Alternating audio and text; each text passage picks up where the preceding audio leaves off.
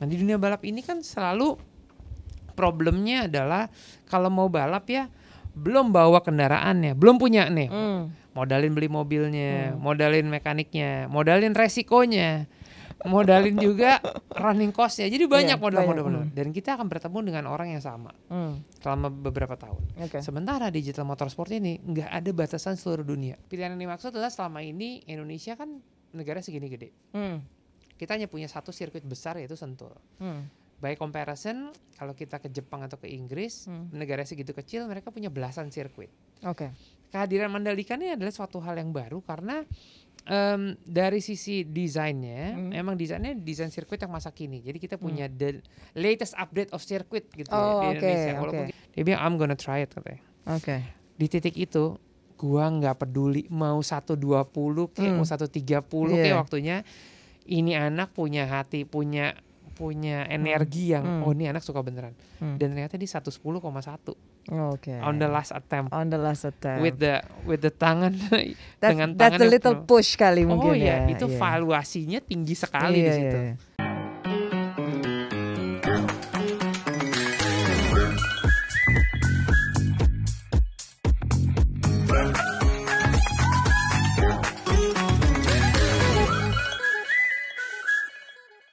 Radio, the smooth sound on radio.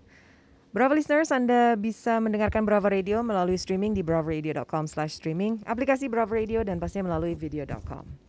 Nah, Bravo listeners, welcome back to Hot Seat bersama saya Farah Tubagus dan kali ini sudah bergabung bersama saya di studio Brava seorang pembalap yang memiliki segudang prestasi di dalam dan luar negeri. Siapa lagi kalau bukan Rifat Sungkar. Halo, Halo. Rifat. Halo, Terima kasih sudah datang ke Brava. terima kasih sudah diundang juga. Oke, nah, ini kayaknya lo hari ini datang sini agak sedikit banyak ini ya rintangan. Tapi nggak apa, gue senang lo udah datang sini. It's okay lah, challenging. Invitation dari Brava mah harus jadi priority. I'm Sedap. sorry ya kemarin-kemarin ya karena saya lagi liburan jadi nggak bisa dipenuhi jadwal asli. Tapi hari ini oke lah. Oke, jadi udah, udah liburan lo agak fresh dong sekarang ya. Oh setelah dua tahun ya alhamdulillah oke lah. Liburan, di Liburan lo Bali. Setiap dua tahun baru liburan. Kebetulan kalau kali ini harus dua tahun berliburan dan kemarin ke Bali sangat amat beruntung karena di hari itu saya datang Hmm, hari pertama Bali ngadain acara. Jadi this like the, Oke. The Acara new apa di Bali? beginning, ada jazz gitulah. Oh oke, jadi mereka udah bikin, udah mulai bikin iya, acara. iya, gitu ya? walaupun nggak banyak, nggak terlalu segitunya, Mhm, mhm. tapi ya, it's something very entertaining lah. Lo jadi kesibukan lo apa aja nih akhir-akhir ini? Ah, lumayan. Ini salah satunya. IMI sekarang jadi wakil ketua umum IMI Iya. bagian mobility, Mm-mm. jadi bukan ngurusin IMI yang balap, Hmm, tapi semua urusan otomotif di luar balap which is lebih banyak. Oke. Jadi kayak uh, pariwisata, lingkungan hidup, Mm. safety driving, modifikasi, mobil listrik, Oke. kemudian CSR itu Mm-mm. semuanya di bawah saya sekarang. Oke. Selain itu, as always masih jadi brand ambassador Mitsubishi Indonesia. Mm. Jadi ya walaupun nggak bisa kegiatan off air, tapi kegiatan on airnya kayak hari ini Ya. akan ada dua lagi nanti. Setelah acara ada dua hari ini, dua besok. Ya Mm. mungkin minggu ini ada enam kali Oke. ya, enam kali. Hmm. Eh, di sisi lain ya masih menjadi eh, bapak rumah tangga Mm. mengurusi anak-anak yang minggu ini baru pertama kali juga masuk sekolah. Oke. Jadi Oh, udah ini ya tatap muka berarti ya? Udah, Oke. udah, udah. Kalau kita Mhm. ya berpikir positif aja lah. Iya betul. Anak-anaknya umur berapa sekarang? Eh, satu tujuh, yang satu lagi enam. Tapi tujuhnya tujuh setengah. Jadi Oh, gitu. Januari dia delapan. Ada, ada beda ya? Ada. bedanya. Ada beda Ada dikit. beda Karena kalau tujuh sama gitu. enam langsung pertanyaan nih kapan ininya nih ngisinya. Kok bisa tipis banget ya? Beda satu setengah tahun mereka berdua. Dan Hmm. senang sekali udah balik ke sekolah. Oke, jadi mereka happy lah ya ketemu teman-teman. Very happy. Oke. Nah, lo tadi ngobrol mengenai eh, bilang mengenai kayak mobil listrik, terus sirkuit dan lain-lain. Tapi gue mau nanya deh, menurut lo mobil listrik di Indonesia nih ke depannya akan Hmm. gimana? Gini, gue salah satu eh, orang juga yang tergabung dalam komunitas mobil listrik. Hmm. And then eh, kebetulan di IMI juga bagian dari eh, pilar utama Mhm. untuk bisa mendukung program eh, pemerintah Oke. yaitu konversi bahan bakar lama, bahan Mhm. bakar bensin menjadi bahan bakar listrik. Oke, Harus dikasih tahu dulu nih bottom line-nya. oke. Mobil listrik memang sangat amat berkembang Mhm. dan itu akan menjadi eh, future of eh, otomobil di Oke. otomobil which is mobil dan motor Mhm. gitu ya. Tapi juga perlu diketahui bahwa mobil listrik ini sangat meledak sekali di luar negeri Mhm. dikarenakan bukan karena pembelinya cinta sama lingkungan hidup. Tapi Itu yang perlu diketahui dulu. Oh, oke. Tapi karena untuk bisa ngepush menurunkan eh, pengeluaran bahan bakar Oke. dan mereserve alam, Mhm. pemerintah tuh melakukan pemerintah di negara-negara itu melakukan simulasi benefit dari orang yang beli mobil listrik sama motor Oke. listrik. Iya. Bayar pajaknya lebih murah, boleh parkir di tengah kota, Hmm. boleh masuk ke jalan busway, bebas ganjil genap. Hmm. Jadi mereka ngeliat, oh ini benefitnya banyak nih gitu. Oke, oke. Nah di Indonesia Mm. hal itu on the way ke sana. Mhm. Karena Indonesia punya reserve of battery yang sangat Yes, banyak bahan yeah. bakar. Jadi Mhm. saat ini saya bilang gini, kita itu bukan langsung mobil bensin nggak ada jadi mobil listrik, nggak Mm, ada. mm. Ada yang perlu dipelihara, ada yang perlu di apa namanya diatur aturannya Mm. supaya antara yang perlu dipelihara masa lalu Mm. eh, bisa mendukung kelestarian lingkungan hidup. On Oke. the other hand, listrik datang sebagai energi baru. Ya. Jadi posisinya sekarang ada bensin, ada solar, ada listrik. Oke. Bisa pilih tuh bertiga. Mhm. Tapi jadi mungkin lebih ke orang beli mobil listrik lebih ke benefitnya ya, lebih ke plus-plusnya gitu. Unfortunately yes. Unfortunately yes. Well, with the bonus of mengurangi emisi mungkin ya, itu Iya. adalah bon cherry on top Iya, of the cake iya. lah gitu. Cuma istilahnya. bener loh, em, Hmm. karena udah sering pakai mobil listrik, orang yang selalu bilang mobil listrik nggak kedengeran, mobil listrik gini gitu, gitu. Pas nyetir, wow, it's like a- another dimension aja gitu. Hmm, bedanya Kita pakai recreational car yang beda gitu. Ya memang sepi, tapi tenaganya luar biasa. Hmm. Dan belum pernah sama sekali mengalami isi bensin. Ya karena isi bensinnya nggak pakai bensin kan, pakai Iya, listrik rumah. Kalau mobil lo sepi nyalain dong Brava Radio. Ih, Ya udah kan? 138, jangan sampai enggak. Jangan sampai lewat lah. Mobil listrik juga ada radio dong Oh, pastinya. lebih jelas, Oh, lebih jernih lebih suaranya jernih. karena mesinnya nggak ada suara. Sekarang gue mau nanya dong, em, ini kan sirkuit Mandalika lagi ramai diperbincangkan, Yes. kayak lagi di push banget ya untuk ada event situ. Menurut lo gimana nih? Is it gonna be a success atau is it sedikit dalam masih pandemi ini? Menurut lo fokusnya seharusnya di tempat lain dulu? gue Eh, adalah orang yang sangat positif akan kemajuan otomotif di Indonesia, Oke. sangat positif. Hmm. Jadi mau cerita politik di belakangnya apa, Hmm. kehadiran Mandalika buat gue sesuatu yang menyenangkan. Oke. Karena kita punya pilihan. Hmm. Pilihan yang dimaksud adalah selama ini Indonesia kan negara segini gede. Hmm. Kita hanya punya satu sirkuit besar yaitu Sentul. Hmm. By comparison, kalau kita ke Jepang atau ke Inggris, Hmm. negara segitu kecil mereka punya belasan sirkuit. Oke. Kehadiran Mandalika ini adalah suatu hal yang baru karena em, dari sisi desainnya, Hmm. emang desainnya desain sirkuit yang masa kini. Jadi kita punya the latest update of circuit gitu ya Oh, di oke, Indonesia. Walaupun oke. kita ketinggalan selama 20 tahunan lebih nggak ada sirkuit yang mengikuti zamannya. Hmm. Karena Sentul itu dibuka kalau nggak salah tahun 92. Iya. 92 atau 93. Hmm. Eh, dan belum pernah diupdate, belum pernah Mhm. di-upgrade lebih Hmm. lanjut. Pernah di-upgrade satu dua kali tapi pada waktunya. Oke. Mandalika hadir dengan konsep ingin membawa MotoGP. That's a very big thing. Yes. Yes. But that, those not a very simple thing as well. Iya, iya, iya. Karena Mandalika berada di satu pulau Mhm. yang masih perlu melakukan pembaikan infrastruktur kayak pelabuhan, Hmm. akomodasi banyaknya Hmm. orang yang akan datang, kemudian transportasi menuju Hmm. ke sana seperti apa, itu kan jadi challenge. Oke. Tapi dari sisi balapannya, ini suatu gairah yang sangat baru. Mm-mm. Gimana pun juga Indonesia tuh eh, penjual kendaraan roda dua terbesar. Iya. Salah satu yang terbesar lah. Mungkin tetap kalah sama China gitu ya, tetapi Mhm. di Indonesia tetap besar sekali dan hype-nya ada. Oke. Mandalika datang sebagai destinasi wisata Hmm. dan dan mungkin orang-orang selalu pikir ini gimana dana pemerintah ini itu segala macam. Mm-mm. Sebetulnya cerita singkatnya, Mhm. Mandalika ini adalah seperti Nusa Dua baru. Karena pemiliknya Mandalika itu sama dengan pemiliknya Nusa Dua. Oke. Mereka sukses 40 tahun yang lalu Iya. bikin Nusa Dua, Mhm. kawasan yang anta berantah nggak tahu di mana di ujung Yes. sana. Hmm. Akhirnya mereka bikin suatu infrastruktur dan sistem. Mhm. Semua hotel-hotel gede. Akhirnya di situ. Akhirnya di sana. Iya. Nah, Mandalika punya cerita yang sama Oke. dengan visi misi yang sama, bahkan punya selling point yang berbeda Hmm. karena mereka punya sirkuit. Iya. Zaman dulu Hmm. perumahan itu dibangun dengan fasilitas lapangan golf. Oke. Sekarang trennya bergeser. Hmm. Perumahan baru itu dibangun dengan fasilitas sirkuit. Oke. Karena the new days ini orang kayaknya into sekali sama sirkuit. Iya. Ya walaupun golf tidak ditinggalkan, Hmm. tetapi ini edit value aja, fasilitas baru yang hebat. Yang hebat. Dan kalau fasilitasnya ada sirkuit, artinya Hmm. jalanan yang ada di sekeliling kompleks itu Iya. akan besar dan bagus kan? Iya pastinya. Ya kan karena daily basis akan dipakai untuk jalanan eh, umum. Oke, eh, ngobrol-ngobrol mengenai balap nih, ya kan? Iya, gue tahu sih bukan Mo- MotoGP is not your thing, tapi lo kangen gak sih pengen balapan lagi gitu kira-kira? Just try one round lah di new circuit misalnya seperti itu. Oh sure, Oke. sure. Cabang balapan gue tuh banyak. Oke, Ada rally, Oh. ada off-road racing, ada drifting. oke. Dan itu semua ya masih dalam soul jiwa gue lah. Jadi lo masih Kalau suruh muter naik MotoGP di situ, eh, terima kasih, masih banyak yang bisa. Eh, Eh, tapi udah di sudah menjadi satu apa ya udah menjadi program gue sendiri dari IMI Mobility. Oke.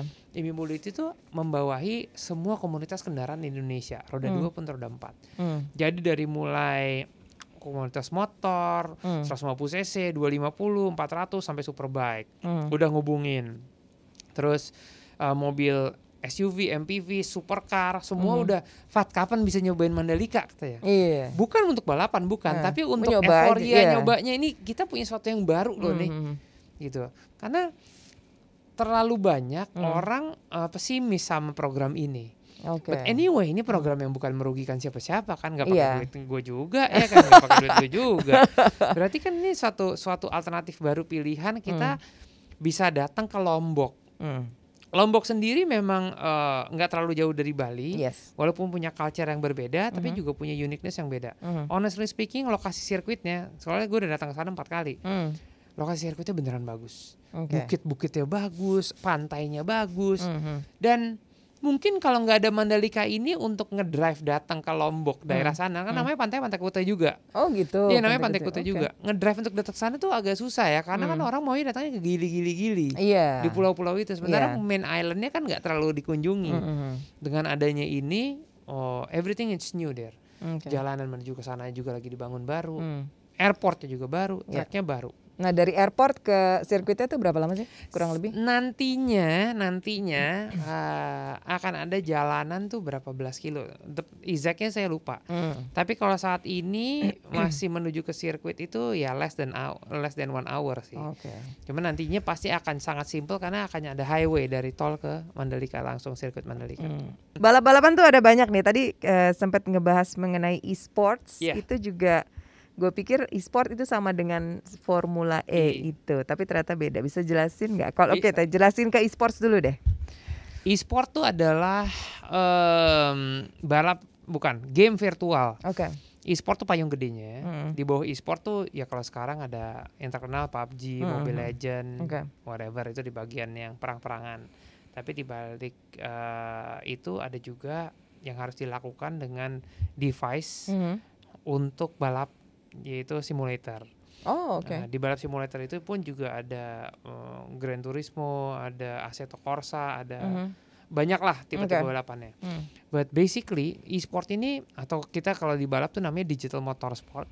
Ini kayak solusi baru gitu. Hmm. Solusi baru yang tepat pas ada pandemi. Oke. Karena iya, kita iya, nggak bisa betul. balap. Hmm. Kita nggak bisa melakukan kegiatan outdoor yang Hmm. berkaitan dengan pengumpulan massa kan. Tapi digital motorsport ini kayak bikin suatu harapan, harapan baru untuk Hmm. semua orang Oke. pencinta balap bisa merasakan balapan beneran, Oke. walaupun beneran di dunia maya. Hmm. Yang lucu, jagoan-jagoan digital motorsport yang ikut yang ikut dalam pertandingan ini Hmm. semuanya itu bukan eh, berasal dari keluarga pembalap. Oh gitu. Iya, tetapi Oke. mereka berasal dari pencinta balap, Hmm. fansnya balap. Oke. Dan yang paling hebatnya lagi adalah semua pembalap kalah sama dia. The real racer itu Oh gitu. kalah bener sama gamer.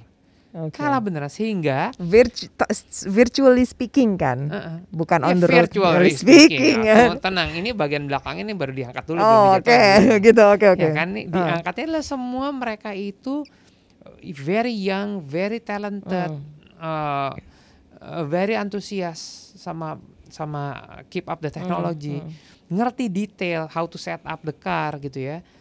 Dan mereka belum pernah lihat mobil balap beneran. Oke. Banyak yang nggak ngelihat Hmm, gitu. hmm. Tetapi hal ini udah menjadi satu uh, culture baru Hmm. dalam eh, dunia balap.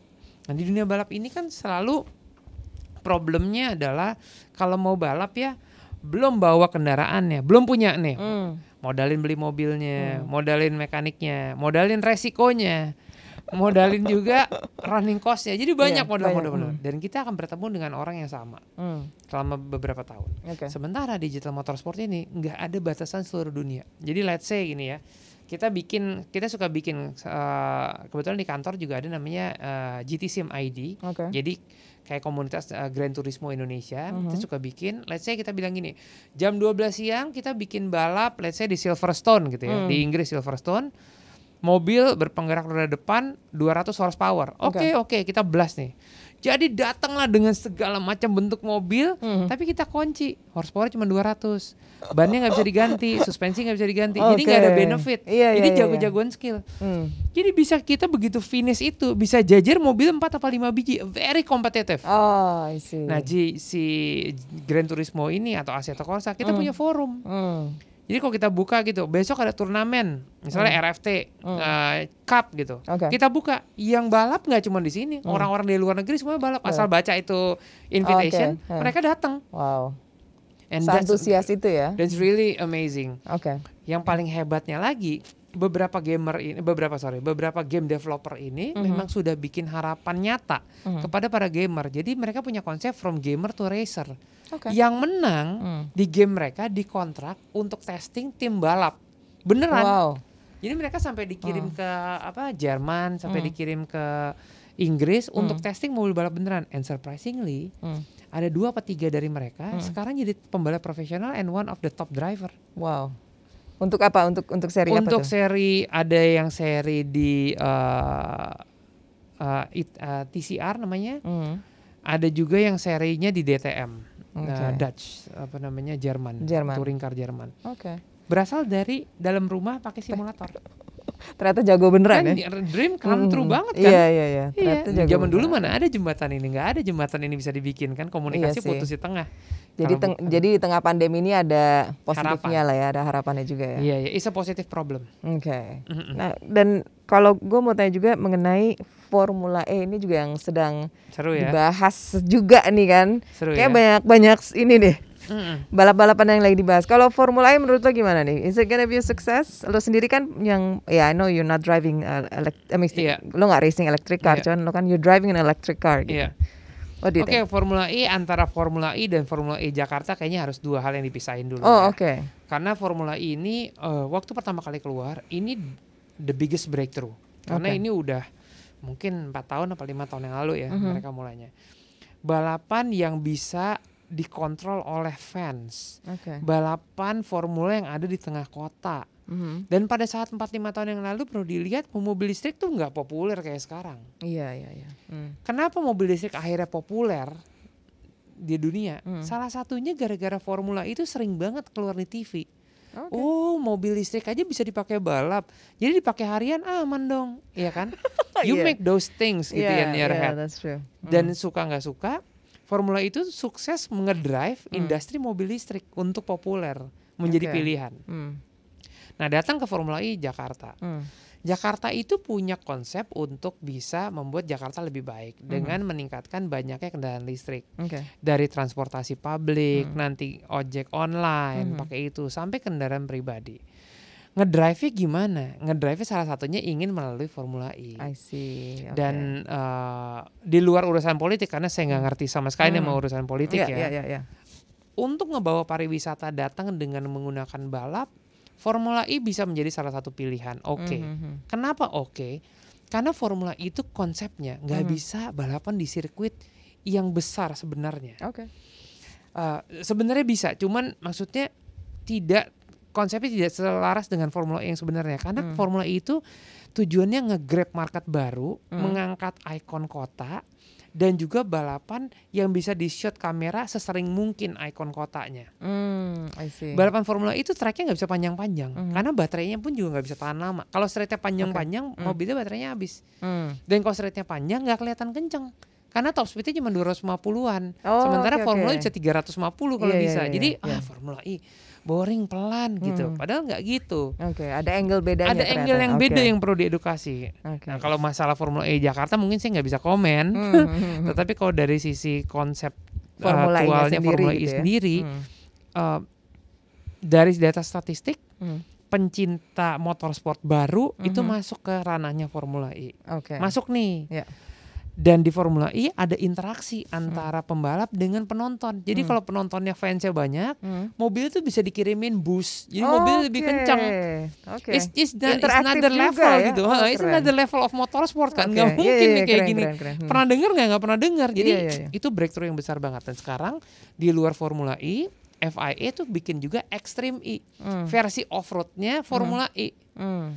Dan ini konsepnya juga seru. Datang ke enam benua. Hmm. Jadi semua top driver formula atau top driver dunia kayak jadi tim prinsipal. Hmm. Dia pilih drivernya dua, laki satu, perempuan satu. Jadi equality gender. Oh, Yang oke. menang ya waktu dua ini dijadiin satu. Oke. Jadi cari pembalap laki kencang itu banyak. Hmm. Cari pembalap perempuan kencang itu nggak sebanyak itu kan. Iya, iya, iya. Jadi kalau pembalap lakinya kencang banget sama perempuan yang nggak balance, kalau ditambah kan waktunya belum tentu Iya, sama betul. yang 50-50 aja gitu yang Iya, iya. balance-balance. Hmm. Jadi jadi challenge sendiri Oke. dan ikonik itu di Hmm. Amazon, eh, kemudian di eh, Arab, Mhm. Iceland, Oh, wow. pokoknya semua extreme thing. Mhm. Oke. And bottom line yang satu lagi, Hmm. bahwa mobil listrik di segala macam tren itu hebat. Hmm. Ngedrive lagi di industri mobil listriknya. Oh, that's the push. That's the angle. actually. Iya, it's a different angle. Oke, well that's very interesting. Gue nggak pernah ngebayang, maksudnya gue nggak pernah memikir untuk angle-nya dari situ. Iya, So, iya, iya, iya. thanks for the info, Rifat. Dan gue mau nanya-nanya a bit personal Mhm. eh, sekarang nih. Lo awalnya lo terjun ke dunia balap tuh ya dari mana sih inspirasi lo? Apa dari orang tua, dari keluarga, emang ada dorongan atau? Inspirasinya ya, inspirasi itu agak susah gua jelaskan karena kakek nenek gua adalah pembalap tahun 50-60-an. Oke. Bokap nyokap gua pembalap tahun 70-80-an. Hmm. Bokap gue punya adik empat, eh tiga, nyokap gue punya adik tiga, semuanya pembalap. Oke. Jadi kalau gue jadi penyanyi agak susah ya. Makanya su- susah dijelasin gitu dari mana datangnya. Aduh kacamata gue So, beruap, gue ketawanya kenceng banget. iya kan, bener nggak? Iya, iya, betul, Terus Suara gue jelek juga. Hmm. Jadi ya oke lah jadi pembalap. It's, it's, it's Hmm. running in the blood gitu kalau di Oke. keluarga gue. Jadi emang udah ya darah lo udah kenceng aja gitu kayaknya ya. Mm-mm. Tapi lo lo anak-anak lo ada yang I know they're still young tapi menurut lo ada yang tertarik nggak untuk Eh, ada gue sih sendiri nggak ada lo nggak nge-push mereka sekali, untuk nggak ada paksaan Hmm. sama sekali Hmm. tentang mereka harus jadi pembalap karena eh, jadi pembalap itu yang paling repot adalah bonnya bonnya Oh Ya, cuan. cuannya Cuannya. nih cuanisasi nih repot nih Oke. tapi ternyata anak gue yang pertama itu sangat into balap sekali Mhm. yang kedua sangat tidak into balap sama sekali Oke. Jadi mereka berdua balance jadi Mhm. kalau Maika mau jadi pembalap Kairo mau jadi manager aja katanya Oh mau jadi manajer kakaknya aja. mungkin. Iya, ya, benar. oke. karena mereka balance berdua. Hey, that's a home industry right there. Iya, iya, exactly. Oke. Jadi dari uh, ketika dia suka balap pun, gue juga tidak yang punya obsesi. Kalau banyak sekali orang tua yang sangat bangga anaknya menang di usia yang sangat muda, Oh yes. sangat bangga. Misalnya Hmm, anaknya hmm. 8 tahun juara satu, tapi ada yang enam tahun juara satu, ya bangga banget yang enam tahun. Mhm. Dan saya selalu bilang sama teman-teman saya gitu ya, yang lain, teman gue tuh nanya, ada anak yang juara go kart sekarang. Mhm. Gue bilang, oke, anak lo umur berapa? 12 katanya kita. 10 tahun lagi anak lo balap apa?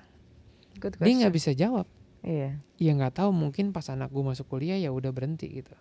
Oh, gue mulai semuanya umur 15. Hmm. And look at me now, Hmm. I'm still driving. Iya. Karena gue punya perspektif Mm-mm. panjang ke depan, mau Mm. ke mana di bawah. Hmm. Karena honestly ya, ya kalau nggak super duper bilioner, Hmm. F1 tuh nggak bakal sampai. Iya. Beneran ya? Hmm. gue ikut kejuaraan dunia rally Hmm. pun gue pirit-pirit ikut Asia Pasifik sekian tahun, ke Junas sekian tahun, berapa tahun. Karena bisa aja ikut ke Junas Rally setahun, Mhm. Asia Pasifik setahun, World Rally Championship setahun, and Hmm. that's it. Hmm. By the time I'm 25, Mhm. I'm done. Dan, iya. Iya kan? So you're 26 now? Iya, I'm, I'm, I'm 21. Oh. Wait, times two. Oke, I'm 21. Oke. It's just a number. Yes, it's just Iya a kan? number. Makanya gue bilang ya 26 Iya probably. dong, Oke. iya dong. 21 times 2 just exactly right my Hmm. number. So sebetulnya itu balik ke diri kita sendiri ya. Kita tuh Hmm. harus punya perspektif kehidupan yang punya mapping gitu. Oke. Easy come, easy go, hard to come, hard to go. Oke. So um, kalau anak gue suka balap, semua bilang gila. Ini anak anaknya Rifat Sungkar di balapan. Hmm. Gue pernah ngobrol sama Alistair McRae adiknya Colin McRae karena itu Hmm. sahabat gue banget dia bilang gini gue seneng anak gue suka balap tapi gue juga pressure gede banget anak gue suka balap Hmm. karena nama belakangnya Hmm. dia Max McRae Hmm. anak gue Maika Rifat Sungkar Hmm. buntutnya itu Hmm. kan kayak jaminan kita sehebat bapaknya kan Iya, anak nih sehebat bapaknya kan juga, iya. apakah iya Hmm. kan belum tentu juga Hmm. tapi mungkin juga iya Hmm. Maybe better. Iya maybe We don't better. know, iya. Tapi begitu mereka masuk ke industri itu pertama kali, semua orang berharap Yes. nih anak menang di tahun Pressure, pertama. Iya. berat ya, Bo ya. Makanya kalau gue chill aja. Hmm. Anaknya eh mau latihan apa enggak? Lagi mau pak? Oke. Lagi Hmm. nggak mau pak gitu. Karena gue tahu di usia 7 tahun, Hmm. 8 tahun, 9 tahun, anak ini nggak bisa sekomit itu. Yes. Dan kalau gue all out ngebiayain segala-galanya, Hmm. nanti kayak buang garam ke laut, akhirnya nanti nggak kepake semua. Hmm. Tapi begitu gue lagi diam gitu, wah pelatihan go kart yuk, nih anak pakai hati, Hmm. ya kan? Iya. Gue su- su- support all out dia. Hmm. Dan gue dimasukin juga ada cerita eh, Maika pertama kali go kart di YouTube channel gue. Ada satu cerita yang cukup heroik. Jadi pada satu waktu dia awal-awal, Hmm. gue ngelihat nih anak punya soul apa enggak. Hmm. Karena itu penting banget. Hmm. Nah, waktunya dia tuh satu tiga belas, satu dua belas. Hmm. Terus hari ini Maika mau pecahin 110 katanya. Mhm. 110 is super slow lah di compare to the real record. Iya, iya. Tapi ini anak punya Hmm. gitu. Akhirnya kita semua datang. Waktunya 111, 111, 111 nggak bisa 110. Hmm. Udah sampai jam 4 sore. Akhirnya dia eh, ingin mencoba, tapi unfortunately dia naik sepeda jatuh. Hmm. Tangannya sobek gede banget, tangannya sobek segini, bener-bener sobek. Oh, mereka kesakitan. Kasihan banget. Hmm. Pas kita udah oke everything's done, kita Hmm. perbanin gitu kita pulang ya. Dia cuma bilang, "Enggak, Pap. Belum 110 katanya." Wow. Jadi pakein tuh baju balap lagi, Hmm. nangis kesakitan karena ada sobek di sini. Iya, iya, iya. Masuk ke go-kart gemeteran karena dia ya merasakan sakit ya sobek Iya. beneran. Sebelum abis itu kita bawa ke rumah sakit. Dia bilang I'm gonna try it katanya. Oke. Di titik itu gua nggak peduli mau 120 kayak Hmm. mau 130 kayak Iya. waktunya ini anak punya hati, punya punya energi yang Hmm. oh ini anak suka beneran. Hmm. Dan ternyata di 110,1 Oke. on the last attempt On the last attempt. with the with the tangan that's, dengan that's tangan a yang little penuh. push kali Oh mungkin iya, ya. itu iya. valuasinya tinggi sekali Iya, di situ. iya, iya. Oke, Oke. he got it gitu. Oke, Oke. let's let's race. So is he gonna is he gonna start racing now atau ya masih Iya, coba-coba? Iya, ya? iya, Dia ada lah latihan latihan Hmm. makin lama makin kencang, Oke. makin lama makin kencang. Hmm. Jiwa kompetitifnya ada. Saya selalu bilang, Mike, semua orang tuh siap menang. Yes, I'm ready to win. Hmm. But are you ready to lose? Yes, Iya. that's more Iya. important. Anak-anak Karena tuh kamu juga harus Iya. ready kalau kamu kalah. Gak Hmm. boleh marah-marah gitu. Hmm, Iya sih. Itu anak anak-anak tuh kayak anak-anak zaman sekarang especially ya. Yes. I'm a parent tuh. Jadi Iya. kadang-kadang too much of a fr- fr- apa high phrase gitu. Iya, high Gua phrase kan. nggak bagus juga nih. Semua orang siap menang, Iya, belum tentu siap iya, kalah. Kita harus siap dua-duanya. And on that note, that is a good point. Iya. Waktunya kita sudah habis. Terima kasih banget Rifat udah mampir. Seneng ngobrol-ngobrol. Gue benar-benar dapat banyak perspektif dari lo, terutama mengenai masalah-masalah atau isu-isu yang lagi benar-benar Iya. dibahas di Indonesia seperti Mandalika tadi dan juga Formula E tadi. So Yes. thank you so much for sharing with us today here in No Brava. My pleasure. And sukses ke depannya ya. Iya. And we'll be watching for your kid, you know, who knows? I'll Oh, be iya. interviewing him someday. Oh, iya Gimana dong, race-nya iya dong, iya kemarin? dong, harus dong. Papa udah mulai capek balap, anaknya aja.